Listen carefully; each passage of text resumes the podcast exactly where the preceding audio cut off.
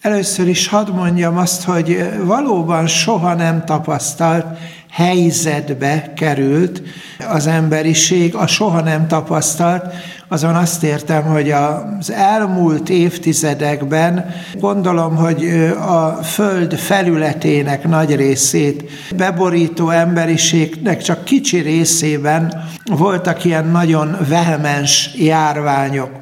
Európa és főleg a orvosilag jobban gondozott országok úgy gondolhatták, hogy ilyen már az emberiség történetében a védőoltások és egyéb miatt nem következhet be. És mégis bekövetkezett, és ezért az emberiség mai helyzetének a szimptomáit, tüneteit egy picit úgy éreztem, hogy át kell, hogy gondoljuk, át kell, hogy gondoljam, és azt kellett megállapítani következtetésként, hogy azok az emberi fogódzók, amiben nagyon hittünk, amiben biztosak voltunk, néhány hónap alatt leszakadtak, és itt van egy olyan helyzet, hogy nem kell ahhoz betegnek lenni senkinek, hogy néhány nap alatt élethalál feszültségének helyzetébe kerüljön egy ember. Az nyilvánvaló, hogy nagyon sok lemondás, nagyon sok akadály gördül az emberiség mindennapi életének az útjába. Ugyanakkor nagy lecke, és nem negatív lecke a Jóistentől az, hogy az ember élet tartó pilléreit át kell gondolnunk.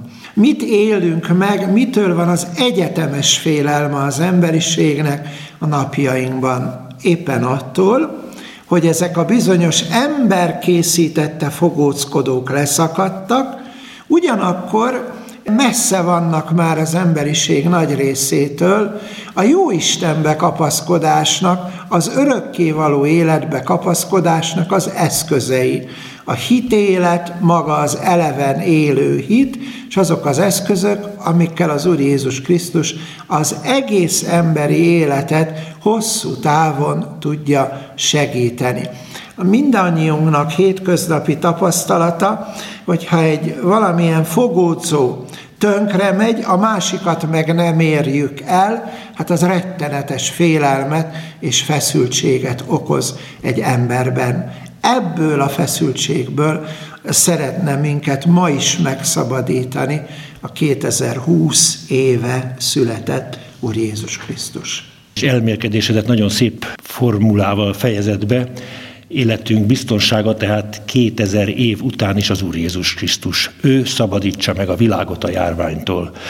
A Szent Szűz imádkozzon értünk, Szent Ferenc atyánk pedig mutassa meg ma is nekünk az öröm és a békesség útját.